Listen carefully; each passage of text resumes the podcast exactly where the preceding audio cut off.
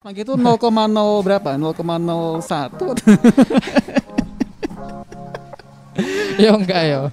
Kalau misalkan uh, satu masih aman kok. Masih bisa ya? Masih, Oke, masih jadi bisa uh, versi-versi lama pun sebenarnya masih Masih. masih tolerable ya untuk diangkat exposure-nya. gitu. Tapi ini buat catatan ya, yang penting hanya post buat Instagram. Kalau dicetak eh, besar ya tentu saja ampiar. Selamat datang di Overloop Sharing Session, di mana kita akan bercerita, berbagi ilmu, dan bercengkrama bersama narasumber yang inspiratif seputar dunia foto, video, dan desain. Stay tune, don't stop learning, and keep sharing. Oke teman-teman, selamat datang di Overloop Sharing Session episode ke-6 Dan pada sharing session kali ini Kita akan ngobrol bareng Mas Panggih ya kan? Apanya? potong, potong. Iya kurang maju lagi lah. Lebih intim, lebih intim. Oke. Ya kita akan ngobrol bareng Mas Panggih Vendra Panggih Widodo ya? Yes, betul sekali, Mas. Nah beliau ini adalah seorang landscape photographer Hobi. yang kemudian terjebak di Overlook sebagai editor dan videographer. ya. Alhamdulillah, Mas. Setiap kali ke Overloops pasti tasnya ada tripod dan kamera standby. Berangkatnya siang-siang karena paginya hunting sunrise dulu atau kalau tidak berangkatnya pagi-pagi karena hunting sunrise gagal langsung pulang langsung kantor pagi-pagi. Jadi jam kerjanya Mas Pang ini nggak nggak tetap banget ya. Kadang berangkat pagi banget ya karena gagal hunting mungkin. Tapi kadang berangkatnya pagi ya agak siang karena hunting dulu gitu ya. Betul sekali, Mas. Ya karena emang udah hobi ya, Mas. Kenikmatannya hakiki banget. Luar biasa. Terakhir hunting di mana Mas Panggi? Tadi pagi, Mas. Tadi pagi. Aku kira sejam yang lalu gitu, enggak ya? Tadi pagi. oh, ya? enggak, tadi pagi, Mas. Tadi pagi. Hunting ke mana tadi pagi? Di Merapi, Mas, biasa, Mas. Masya Allah. Kalau lihat guguran lava itu, aduh, nikmat banget, Mas. Oh, masih berlapa Merapi? Oh, sekarang? masih, masih. Ini paling lama ini.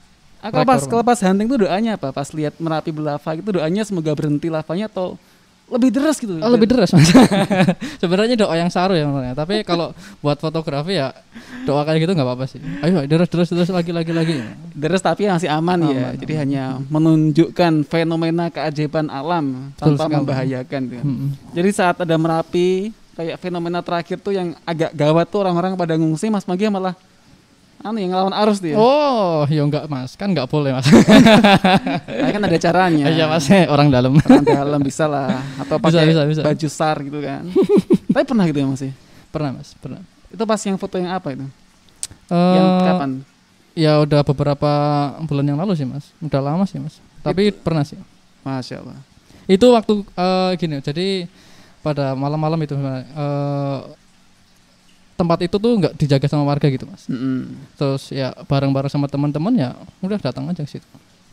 Teman-teman itu memang sesama penantang maut tadi. Iya, Sesama daredevil itu. Ah, betul sekali mas. Luar tapi ya biasa. tapi ya tetap masih eh, masih apa ya gimana ya eh, masih jaga aman mas. Nggak nggak gitu ya. nekat-nekat banget gitu. Kan Tapi udah- memang ya, jadi sifatnya Mas Panggil teman-teman kayak apa istilahnya? Untuk eh, berani mengorbankan diri untuk memberikan suguhan karya yang momen mo- fenomenal gitu ya. Iya betul sekali. Jadi Ya gimana ya pokoknya kalau saya itu punya ambisi seribu gambar harus ada satu yang ya gimana ya yang wow itu mm, yang bombastis kalau boleh saya bilang gitu. kepuasannya yang beda ya. Ya tentu itu nggak bisa digantikan ya mas kalau landscape gini ya kan eh sebenarnya apa ya landscape itu nikmat banget kalau kalau saya boleh bilang seperti itu mas. Aku bisa bayangin sih, karena dulu aku juga seorang Ah. landscaper ya. Ini merupakan kesempatan yang bagus banget karena saya mulai, bisa mulai. berbincang-bincang sama masternya landscape Amikom. se- Setiap kamu bilang Jogja. gitu, aku mesti jadi ngerasa malu sendiri gitu, karena sudah nggak pernah hunting lagi sekarang. Enggak ya? Anda mengece saya. ya? Oh no no no no no. Ngajar nanti. No no no no. Udah no, udah, no, no. kamu sendiri aja dah nggak usah pakai aku di sini. mulai, mulai panas. Jadi emang gitu sih. Eh, aku bisa merasakan juga kalau foto landscape itu kalau kita dapat sesuatu momen ya. Karena kan kalau foto orang bisa diarahin ya. Betul sekali. Tapi kalau alam itu kita hanya bisa pasrah, artinya pasrah kayak dapatnya itu yaitu kalau pas dapat sesuatu yang langka momennya yaitu aduh itu berharga banget. Pas jepret ternyata memorinya lupa dibawa. Oh, ini pernah juga. Tapi kalau misalkan kita dapatnya yang yang luar biasa itu istilahnya kan panen banyak. menang Pa- banyak. Panen ya hitungannya panen, yes, Nah, panen. ngo- ngomongin panen nih, kita ngomongin temanya teman-teman. Ini mungkin siap, temanya siap. kan Ini ya. ngomongin tentang fotografi landscape apakah harus mahal ya? Betul sekali. Kan ada hubungan faktor ekonomi juga nih. Nah, Iya. istilah panen ini memang motivasinya motor landscape apa juga panen dalam artian faktor ekonominya gimana sih panen itu Mas Panggi? Eh, ini beda konteks sih. Mas, Beda konteks ya, Beda bukan konteks. bukan panen dalam artian petani panen terus langsung beli mobil bukan, baru, bukan, bukan, motor. bukan, bukan. Jadi ini konteksnya itu panen ini gini mas. Hmm. Eh kita mau tet sunrise, katakanlah Hmm. sunrise. Katakanlah sekarang kita sebut di Gunung Merapi gitu. Jadi ada objeknya itu Merapi gitu kan ya. Hmm. Yang namanya menang banyak itu gunungnya terlihat jelas, kemudian awannya juga mendukung, nggak ngabut, ya udah itu menang banyak. Hmm. Kan kadang-kadang kalau kita ke sana pernah juga gunungnya nggak kelihatan sama sekali itu sering. Kemudian gunungnya kelihatan tapi belakangnya awannya putih gitu sering. Terus ngapu juga sering. Ya mau gimana lagi? Itu nggak panen itu, zong. Gitu. Oke, panen tuh dapat foto ya. Ya. Foto yang itu komoditasnya. Ya karena panen. tujuan untuk landscape itu kan untuk dapetin foto yang bagus gitu. Mm-mm. Oke, mantap lah, mantap mantap. Oke, Mas Manggi. Jadi kita ngomongin lagi tentang gearnya nih sekarang. Oh siap. Tadi kan sudah ngomongin tentang gimana serunya moto landscape kan? Oke. Kenapa? Oke, Ini bisikan mesra. ada bisikan mesra ya. Jadi tadi kan sudah ngomongin tentang keasikannya moto landscape dalam segi gimana kepuasan ketika kita bisa dapat foto yang apa namanya fenomenal, yang momen yang langka gitu. Nah sekarang hasil fotonya sendiri Mas Bang. Tadi kan sudah dibilang bahwa foto yang bagus tuh yang nggak ngabut, ya kan? Terus Yes. kemudian yang hasilnya crystal clear lah dalam Hmm. artian. Itu kepuasannya luar biasa. Nah, seberapa besar sih pengaruh gear perlengkapan dalam hasil foto yang bagus? Dalam artian gini, jadi kayak Mas Pagi kan punya pasukan nih, aku lihatnya kayak setiap kali hunting bareng tuh pasti rame-rame gitu kan, Iya. gerudukan kayak Banyak. punya komunitas yang itu kayaknya asik banget ya piknik bareng-bareng sambil nunggu momen terus bisa ngobrol-ngobrol, kayak seru gitu kan. Nah, ketika foto bareng tuh aku lihat kameranya tuh beda-beda banget kan, Iya. brandnya beda, terus kayak uh, jenis kameranya beda, kemudian mereknya beda-beda dan dan grade-nya juga beda-beda. Itu hasilnya setelah diupload apakah memang beda atau sama aja? Gimana faktor penentunya? Ya tentu kalau misalkan udah beda gear tentu saja ya kualitasnya pasti beda. Oke. Dari megapikselnya itu sendiri kan udah beda. Hmm.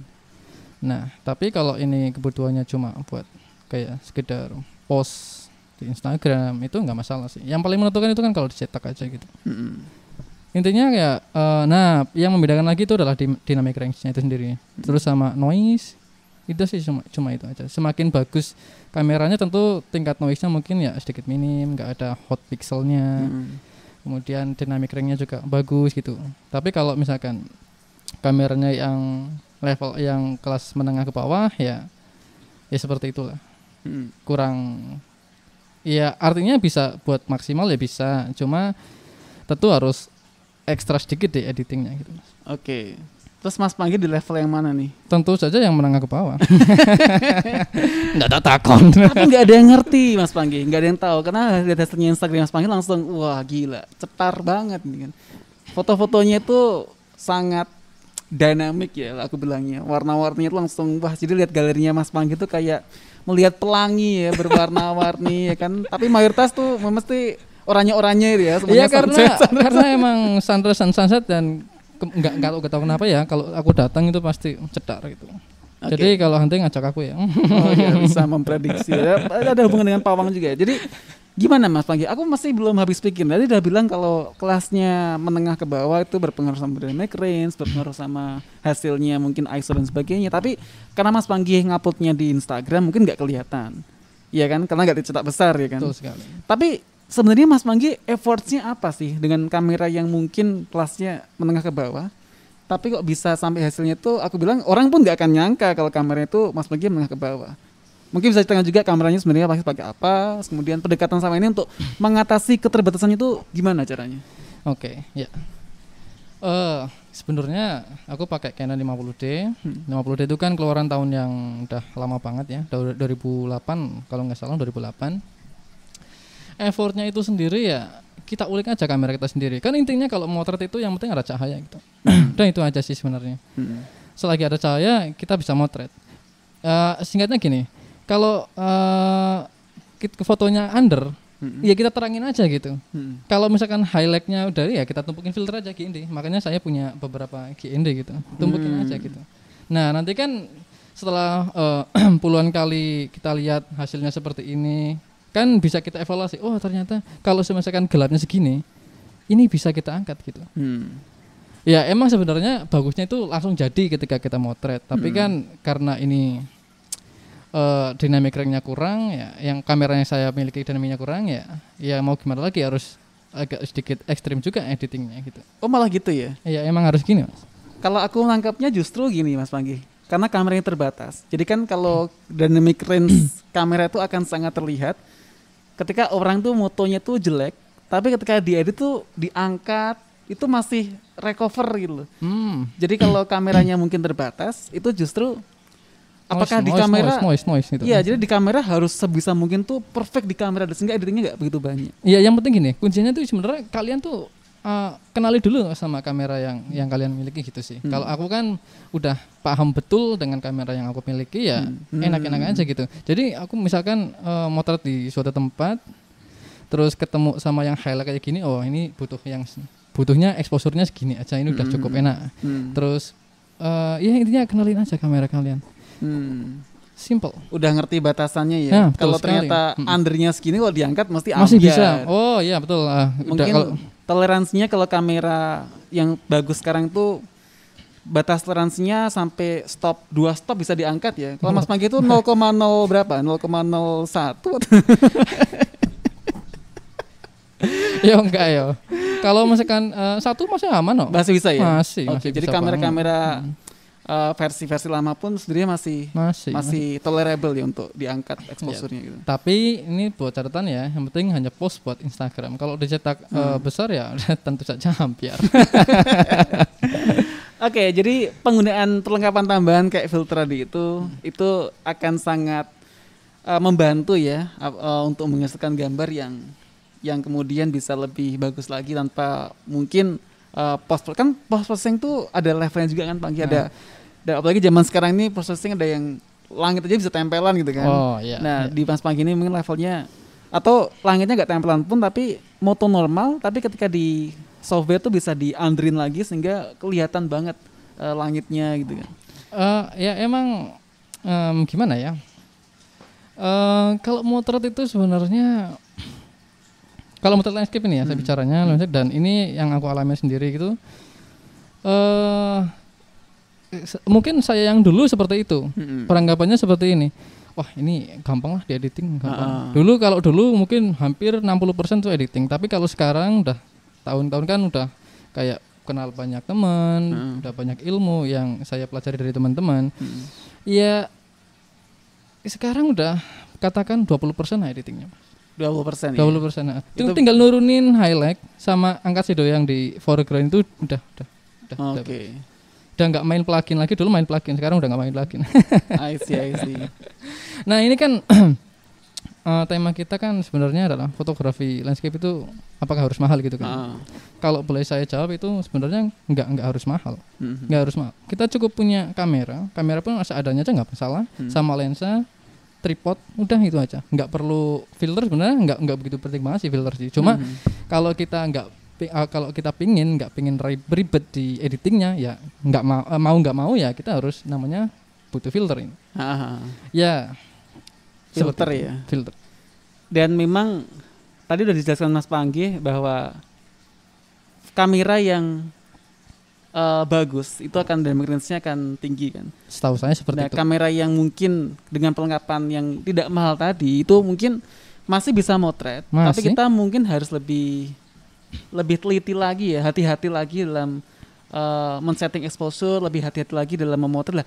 Kira-kira faktor apa sih Mas? Mungkin dengan keterbatasan kamera yang mungkin tidak memiliki dynamic range yang lebar sehingga kita harus ekstra hati dan perfect dalam motret itu tipsnya motret supaya hasilnya prima itu gimana Mas? Apa yang kayak Mas Vicky kita motret apa yang pertama dilakukan terus kemudian mau mengidentifikasi cahaya. Apalagi kan kita motret kadang pan berubah banget cahayanya, cepat banget kan Cepat dari banget. sunset tuh langsung dramat Hmm. gradually akan Sama. langsung gelap itu gimana tipsnya mode kamera apa dan sebagainya. Ini kalau bahas berarti ini eh, kasusnya kamera yang menengah ke bawah. Tengah gitu ke ya. bawah tadi. ha. Untuk eh, ya simple. kita cari exposure tengah-tengahnya aja. Hmm. Jadi itu udah pasti diturunin highlightnya enak, diangkat shadownya juga enak gitu. Hmm. Seperti itu sih. Ini- Ambil tengah-tengahnya pasti beres. Indikatornya gimana nih untuk ngambil tengahnya mungkin teman-teman yang masih belum tahu bahkan mode kameranya harusnya pakai apa gitu. Mas Panggil tipsnya gimana? Oh ya tentu saja kalau di kamera itu pasti ada yang namanya eh, metering itu loh, yang angka ada 0, stripnya ada minus satu, ada plus satu. Nah kalau plus satu itu artinya kan lebih ya, over exposure gitu kan. Nah kita cari aja di 0 atau kalau enggak ya kita minus satunya aja, itu malah Hmm, aman. Lebih aman lagi. Ah, ah. tapi jangan di di apa over exposurein. Kalau aku saranin jangan di over exposurein. Jadi preferable dari normal ke under Betul ya. sekali. Jangan sampai over. Betul sekali. Untuk tidak supaya over itu apa yang harus diperhatikan? Oh ini indikator over sama enggak kan kalau di luar itu kita kan cahayanya display LCD kadang menipu ya. Mm-mm, Harus ada informasi tambahan nih supaya kita bisa. Kadang udah, wah di kamera udah bener di di komputer kok jadinya gini nih itu apa yang harus diperhatikan untuk menghindari hal seperti? Sebenarnya ada banyak sih. Yang pertama itu kita trial and error aja. Hmm. Kita jepret banyak gitu. Katakan satu, oh segini. Hmm. Kemudian kita underin. Kemudian underin lagi. Yang terakhir kita overin coba. Nah, nah ada lagi namanya histogram. Kita pantau aja histogram gitu. Kalau histogramnya condong ke kanan, yang grafik-grafiknya condong ke kanan itu namanya over. Mm. Kalau ke kiri itu namanya under. Kita kita kalau bisa sih ya, kalau bisa yang segitiga tengah-tengah aja gitu. Oh. Membentuk gunung gitu. set. Ya, Oh cantik. berarti di mana gunung ya? Gunung, gunung. Ya, Gunung ya, moto gunung, dari Instagram gunung, ya di rumah gunung lagi. Selamat Mas Panggi udah akhirnya ini kangen si kecil nggak nih?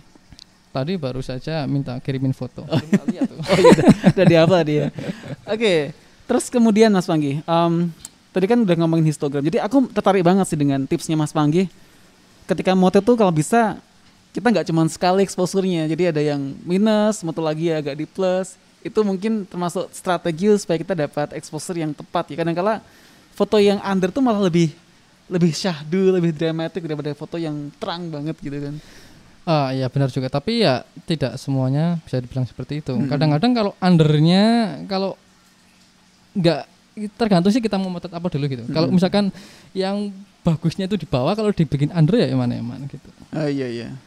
Oke oke. Nah terus dengan fotografi ini masih apa? Jadi jawaban tadi secara singkat nggak harus mahal ya kan.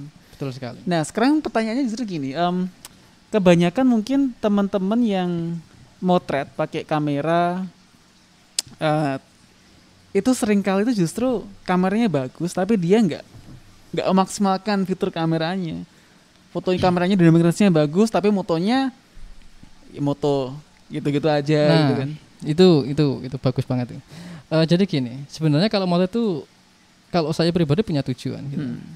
Ya tujuannya ya itu lebih baik dari fotoku satu bulan yang lalu atau satu tahun yang lalu, Hmm.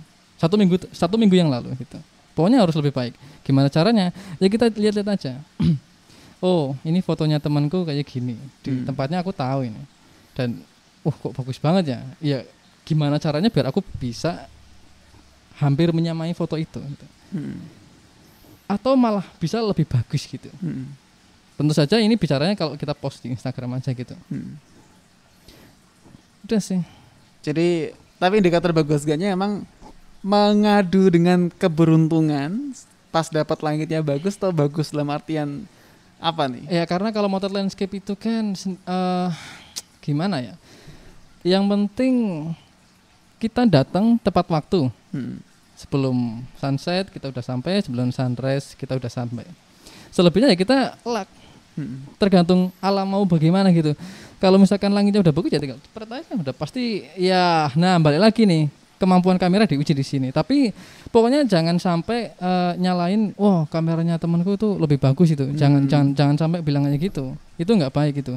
Mungkin kita ubah aja me- pola pikirnya seperti ini.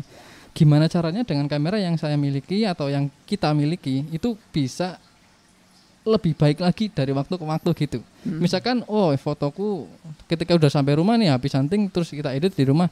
Wah sebenarnya kalau angle-nya seperti ini atau exposure-nya dibikin seperti ini, ini akan lebih bagus lagi. Ya udah kita kita ulangin lagi.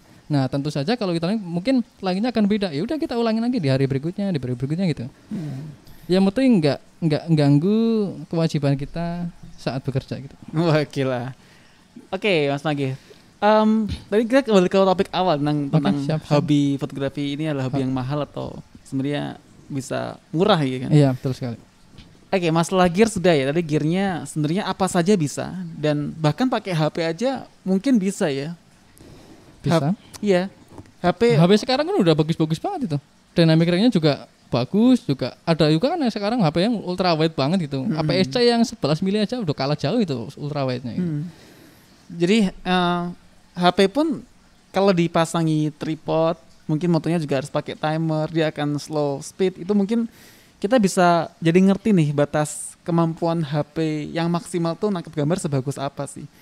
Karena fotografi landscape ini kan memang kayaknya jadi benchmark banget ya Mas Panggi tentang kualitas sebuah sensor gitu kan. Betul Karena kita di kondisi ISO yang paling optimal, terus kemudian di pencahayaan yang mungkin dengan eh, yang optimal juga, dengan kadang eh, lighting yang ekstrim, yang ekstrim perubahannya Mas Panggi moto tuh langsung ngarah ke matahari, ya. gitu kan. Mm-mm. Itu di kondisi yang paling ekstrim dan eh, dengan adanya bantuan filter tadi itu bisa membantu. Tapi kalau nggak pun nggak apa-apa sebenarnya asalkan tahu tekniknya.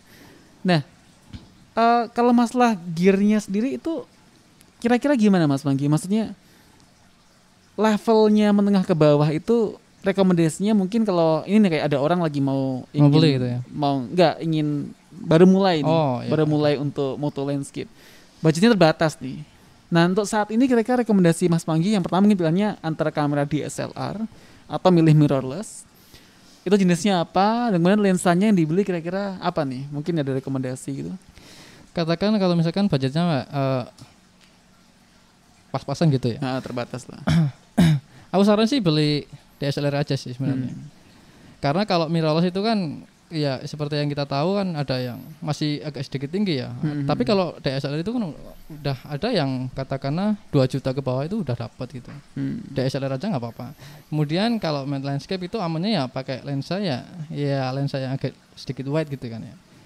Katakanlah 11 mili atau 10 mili ya kalau misalkan 18 mili ya nggak masalah gitu. Hmm. Karena nggak harus wide gitu len- apa motret lensa eh motret landscape itu. Ah, sih, angel banget.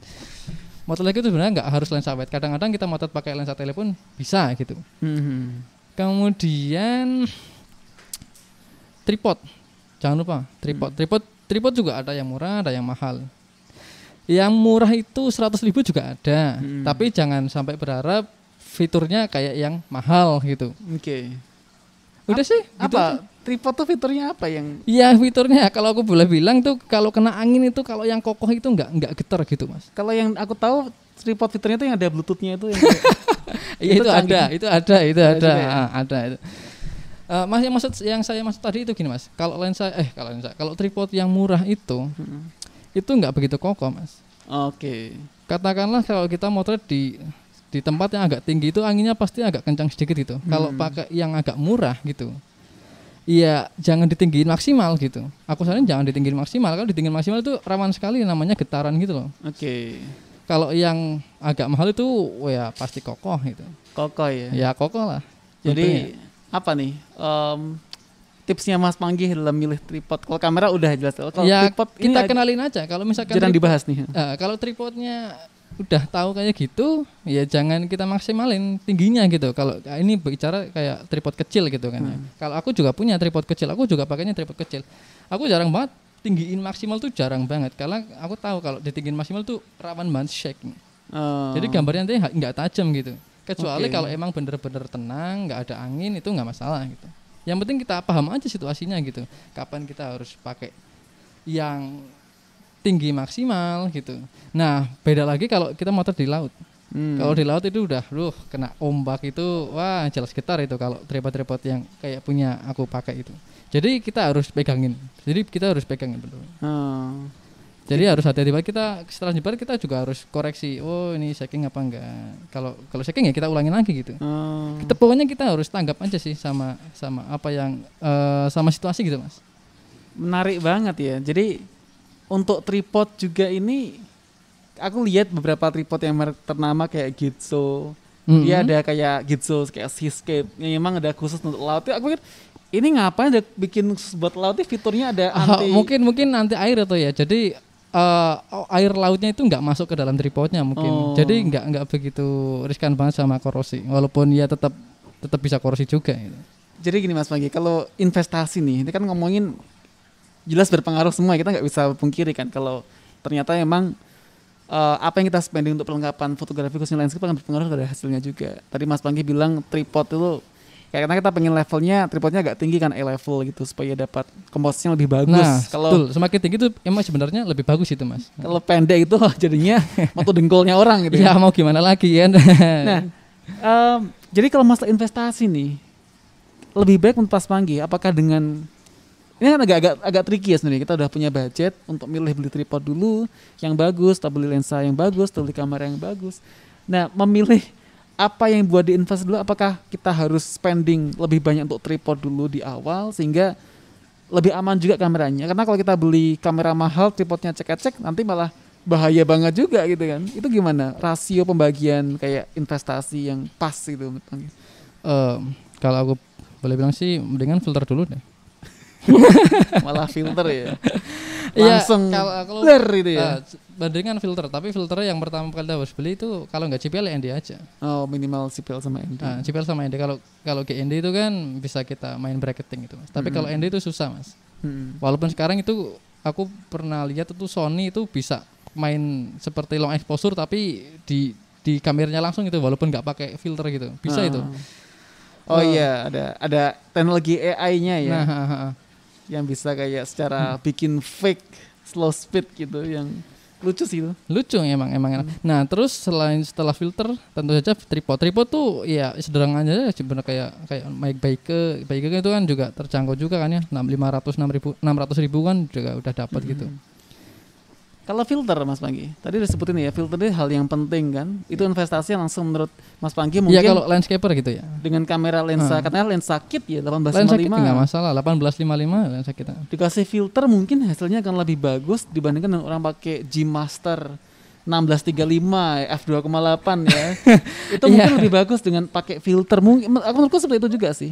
Iya? Em, gimana ya? Ini sedikit krusial juga ya jawaban ini ya. Hmm. Eh, tergantung sih mas. Kalau kita motretnya di tempat sunrise yang cetar banget gitu, kalau nggak pakai filter ya gimana ya? Oh, bener. Iya. Tetap menang yang pakai filter gitu. Kecuali kita kalau mau repost dikit di editing, bracketing, tentu aku jagoin yang Master mas. Oh. Karena dah tentu kan tajamannya tahu sendiri bedanya beda banget gitu kan. Ya dari harganya udah beda banget gitu mas. Oke, jadi make sense, make sense sih.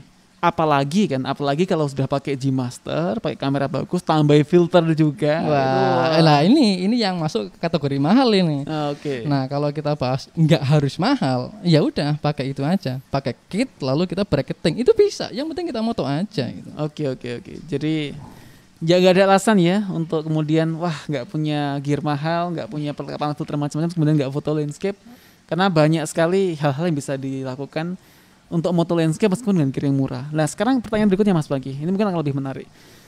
Dengan kamera yang kita punya sekarang ya, dengan kamera yang standar ya, lensa kit. Tadi Mas Pagi itu jelas kalau kita moto uh, against the the light sunset, sunrise yang memang oh, lightingnya tuh strong banget ya frontal ke kamera tuh pasti akan ambiar kan nggak pasti maksudnya akan susah untuk recovery-nya sarannya Mas Panggi apa sih foto landscape yang aman nih untuk kamera yang masih katakanlah foto apa nih foto kan banyak nih aliran landscape ada foto sunset sunrise jelas ya Hmm, tapi hmm. foto landscape yang apa yang mungkin lebih ramah lah objeknya subjeknya kesempatannya lebih ramah untuk kamera-kamera sehingga tidak di push uh, to the extreme level gitu Eh, semuanya aman sih menurutku kecuali kita main star trail aja. Hmm. Star trail itu kan kalau kamera-kamera seperti itu kan wah bisa jebol sensornya kan kalau star trail kan itu 15 menit itu. Nah, Saran ini jangan jangan star trail. Jangan star- Jadi kalau sunset, sunrise itu aman-aman aja menurutku Hmm. gitu.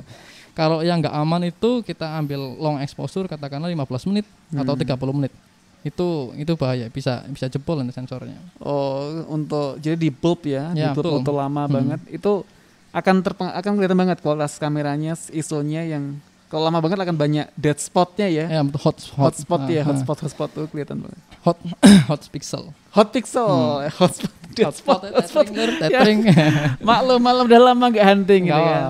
ini kan udah banyak banget nih fansnya Mas Manggin yang gabung nih, masya Allah. Weh, halo Kita bro. sapa nih kan. Ada Fajar Putra. Ya. Kenal ya Mas Pangi Fajar Putra ya? Oh iya kenal, pernah hunting bareng sama Oh, dia. pernah hunting juga. Itu komunitas apa itu? Itu komunitas Cinta. apa itu? Itu nggak ikut komunitas apa apa itu? Oh, Oke oke. Ada hadir nih kan Mas aku fansmu. Oke ada pertanyaan nih kayaknya. Mas Pepen, kacamatane tuku ning di? Wah, ketoke apik. Bukala Pak Lur. enggak enggak ini di optik dekat kontrakan. Tapi nggak pakai filter ya kacamatanya. Iya, filter itu kan ya pakai filter apa ini ya? Enggak. Ya Cuma- dikasih sipil tuh nggak bisa kacamata. Oh, enggak bisa dong, Mas. Enggak bisa dong, Mas. Terus Filter UV ini. Sehat Mas Sandy. Oh, Embowo, makasih Embowo. Ada Astuti Hutagalung. Astuti Hutagalung. Wah, kayaknya kenal nih. Ada Marga Hutagalung di sini. Ayo Kak Panggi hunting bareng. Dicara tahu gelem ya. Rekomendasi hunting di Jogja. Nah, ini ini spot hunting di Jogja rekomendasinya. Ada apa KM0, KM0 ya Mas Oh enggak, enggak. tergantung sih misalkan kalau motret landscape ya, kalau bicara landscape ya di Jogja yang gampang-gampang aja ya. Yang gampang-gampang itu kan di di Pelausan itu gampang, di Perambanan itu gampang. Terus di Spot Riyadi juga bisa itu gampang. Dekatnya Spot itu adalah Milen Bay itu yang lagi viral. Jadi bisa motret Candi Perambanan, belakangnya itu adalah Gunung Merapi itu. Hmm. Terus yang gampang-gampang lagi tuh di ya di, kayak di Gumuk Pasir itu bisa itu. Terus tapi kalau the bestnya yang gampang-gampang itu tetap Pelausan sih kalau aku sih. Kita bisa jadikan topik tersendiri nanti ya. Yo ah. Membedah, ya kan? Yo ah, spot-spot Jogja. Enggak sih itu itu jadi hal yang mungkin menurutku juga jadi kategori mahal juga Mas Panggi. Jadi aku melihat foto landscape ini kan harus ngetrip ya, harus traveling ya. Hmm, oke ini menarik ini. Pertanyaan apakah ini hobi yang mahal? Karena gini, spot yang katanya the best sunrise spot in the world gitu kan.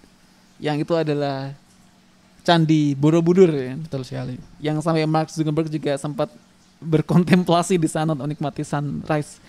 Itu mahal banget Mas Manggi. 450 sekarang. Kalau nggak salah. Dan itu nggak ada garansinya gitu kan. Iya kalau nggak ya nggak ada garansi lah. Kalau semblep ya udah. iya kalau garansinya aku oke oke aja. Kalau nggak dapat sunrise yang bagus uang kembali gitu kan. Tapi ternyata kadang mendung dan nggak jarang. Aku pernah dapat wejangan dari satu fotografer landscape yang sudah terkenal sebut saja Mas MM Misbah Munir. ya kan. Oh iya. Siapa Jadi- yang nggak tahu dia? Hmm. kalau moto itu jangan ekspektasi harus dapat jadi jangan pernah berekspektasi lah moto berangkat landscape itu ekspektasinya ya kita main aja Ya, kita kalau dapat aja. foto yang bagus ya itu bonus gitu kan tapi kalau kita udah ngarap di awal udah wah dapat sunrise itu pasti banyak kecewanya da, hubungannya juga dengan pengeluaran nih itu kan harus bensin karena tiket Hmm, betul, masuk betul.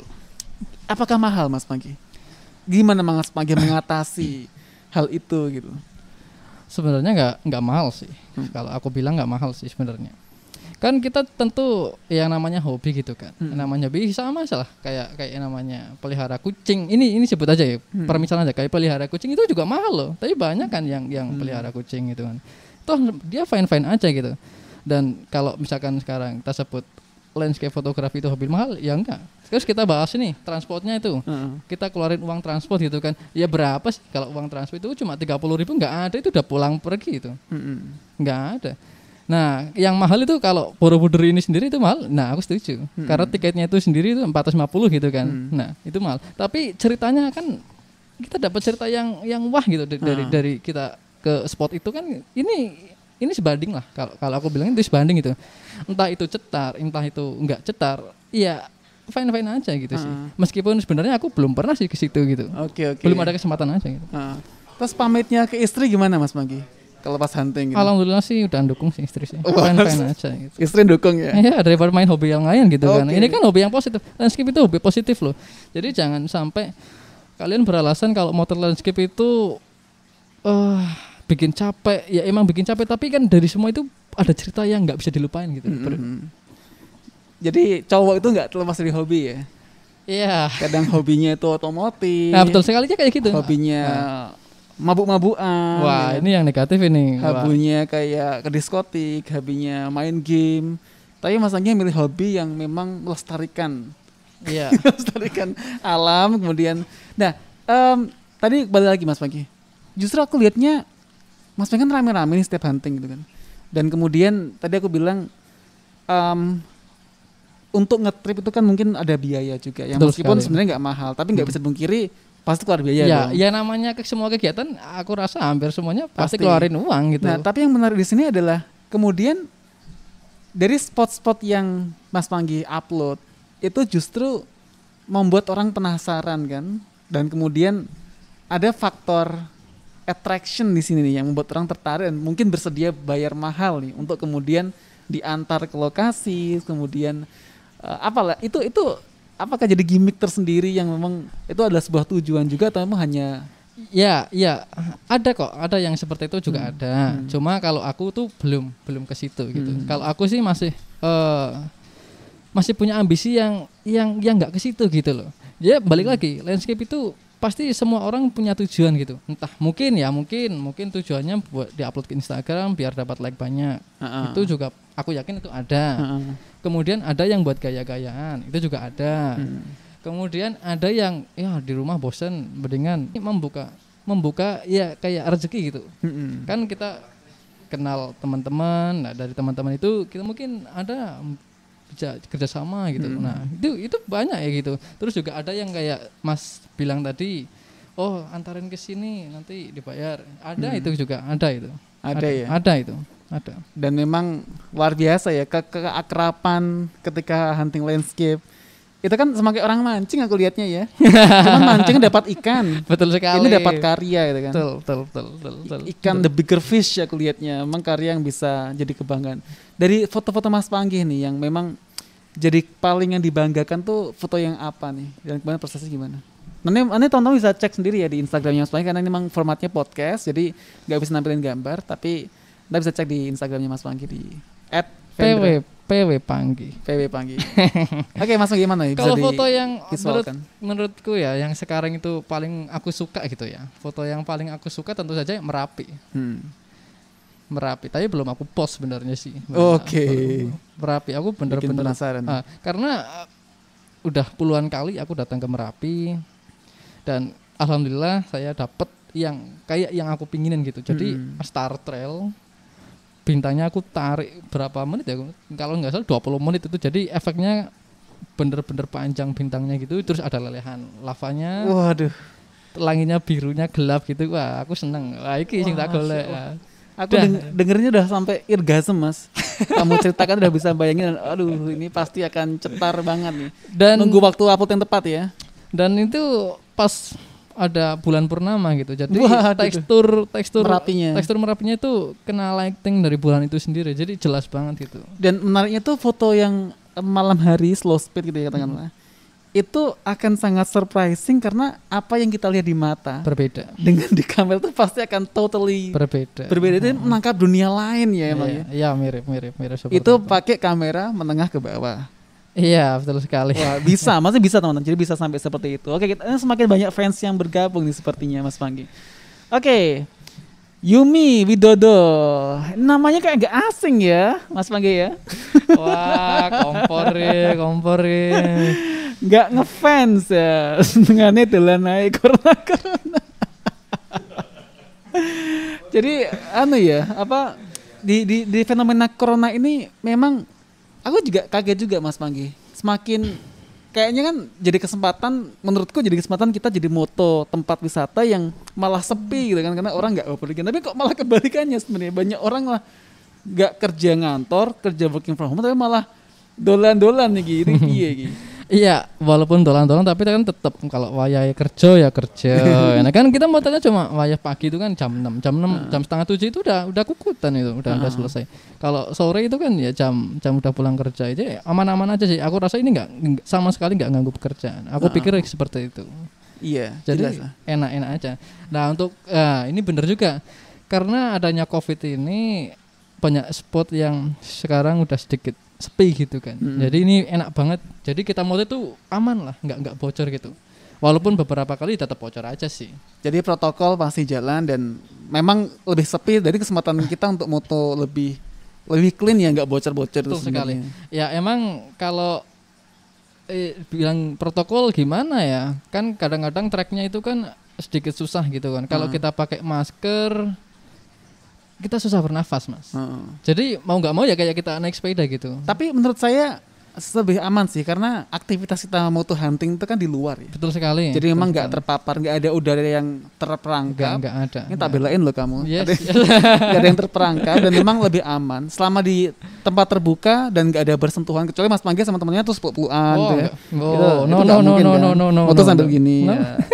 itu nggak mungkin. Itu itu nggak mungkin terjadi. Dan aku, Eh. itu itu pasti aman insya Allah. Dan aku lihatnya juga gimana ya? Menurutku itu fotografer landscape sama orang turis pada umumnya itu beda jam-jamnya gitu kan. Betul sekali. Kita berangkat dini hari, pulangnya nggak sampai siang. Betul sekali. Sedangkan turis baru betul, berangkat. betul.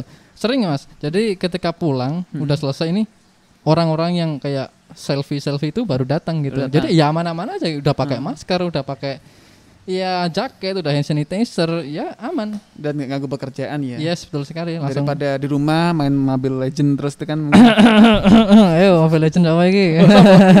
aku gak nyindir siapa-siapa ini. Oke. Oh, ada Rami.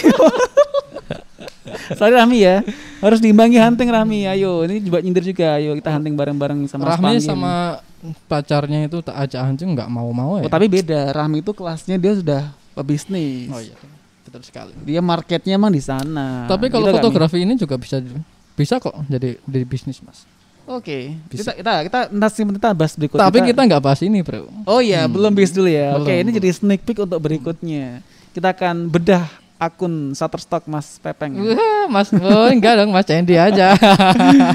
Oke, terus oke, nggak dukung Mas jadinya suka dolan dewe akunya nggak diajakin. Kenapa Eh, nggak enggak, ini, ini ini aku aku aku bilang ini.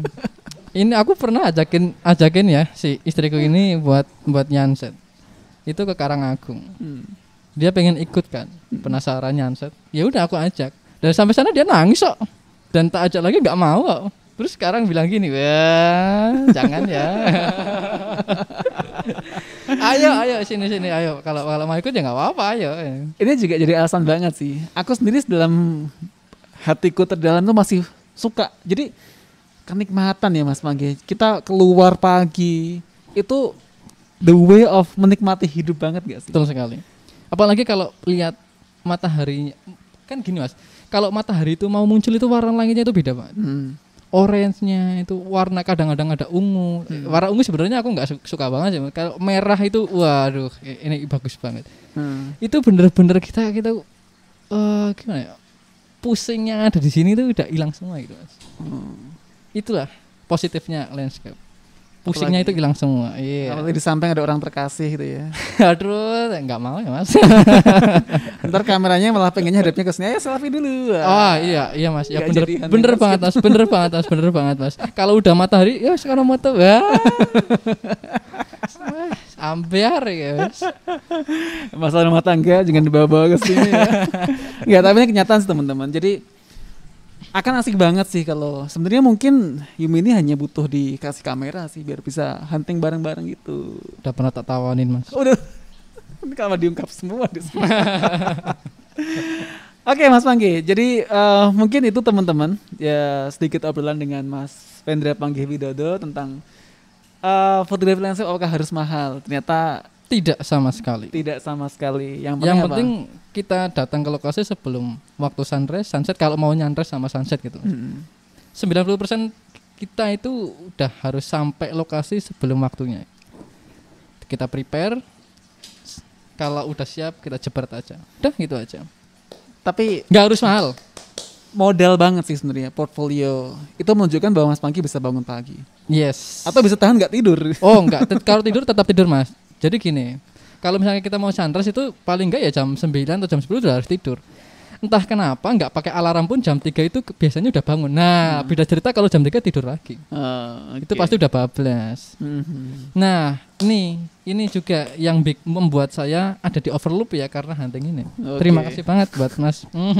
Kita nggak cuma overloop teman-temannya. Jadi kenyataan bahwa aku pernah ngobrol juga dengan salah satu uh, director yang biasa ngerekrut orang-orang untuk bikin film gitu. Biasanya portfolio pertama yang ditanyakan adalah di saat yang lainnya ngasih portfolio foto model, kayak foto-foto komersial, foto iklan, dia akan lebih tertarik dengan foto-foto orang yang ngasih foto ada ada sunset atau sunrise. Kenapa Sunrise, Mas? sunrise. Kenapa Mas? Kenapa Mas? Kenapa Mas? Itu nunjukin bahwa dia orangnya bisa bangun pagi. ini masalah banget sih. Banyak teman-teman di industri kreatif yang suka begadang, tapi nggak bisa bangun pagi. Nah padahal di industri kreatif ini itu sering kali untuk dapat momen yang epic gitu, kita harus bisa bangun pagi. Ini nilai tambah juga sih dari segi apa ya kedisiplinan orang yang punya banyak foto sunrise itu dipastikan orangnya rajin. Wah. Atau nggak tidur bener juga. Nggak tidur ya. Nah, tapi sama-sama positif gitu kan. Itu luar biasa sih dedikasi sama uh, waktunya, dedikasi dengan karya, ngantuk-ngantuk berangkat, nungguin itu luar biasa. Oke, teman-teman, jadi mungkin uh, sekian dulu kita ngobrol-ngobrol sama Mas Panggi. Uh, jumpa lagi kita uh, ini ada pertanyaan lagi kan? Ada itu. Ah itu. Iya, Kak Panggi Boleh itu. sendiri di roasting. Boleh itu. menghasilkan real money dari game. Oke. Jadi begitu teman-teman uh, ngobrol-ngobrol singkat pada kesempatan kali ini dan nantikan terus Overloop sharing session berikutnya di uh, YouTube Overloops. Jadi jangan lupa klik subscribe dan kalau teman-teman masih yang nonton nggak live ada pertanyaan bisa tinggalkan pertanyaan di bawah dan bisa juga nanti uh, materi dari Overloops sharing session ini akan ditulis dalam bentuk artikel juga bisa dikunjungi di website overloops.com/blog nanti kita akan bisa sharing uh, tips-tips dalam bentuk tulisan. Oke, makasih banget Mas Panggi atas waktunya. Yes, sama-sama. Silakan kembali bekerja. Yes, siap. Udah Makasih. menunggu itu. Yang juga udah nonton, makasih sudah stay tune dan sekian dari kita. Wassalamualaikum warahmatullahi wabarakatuh.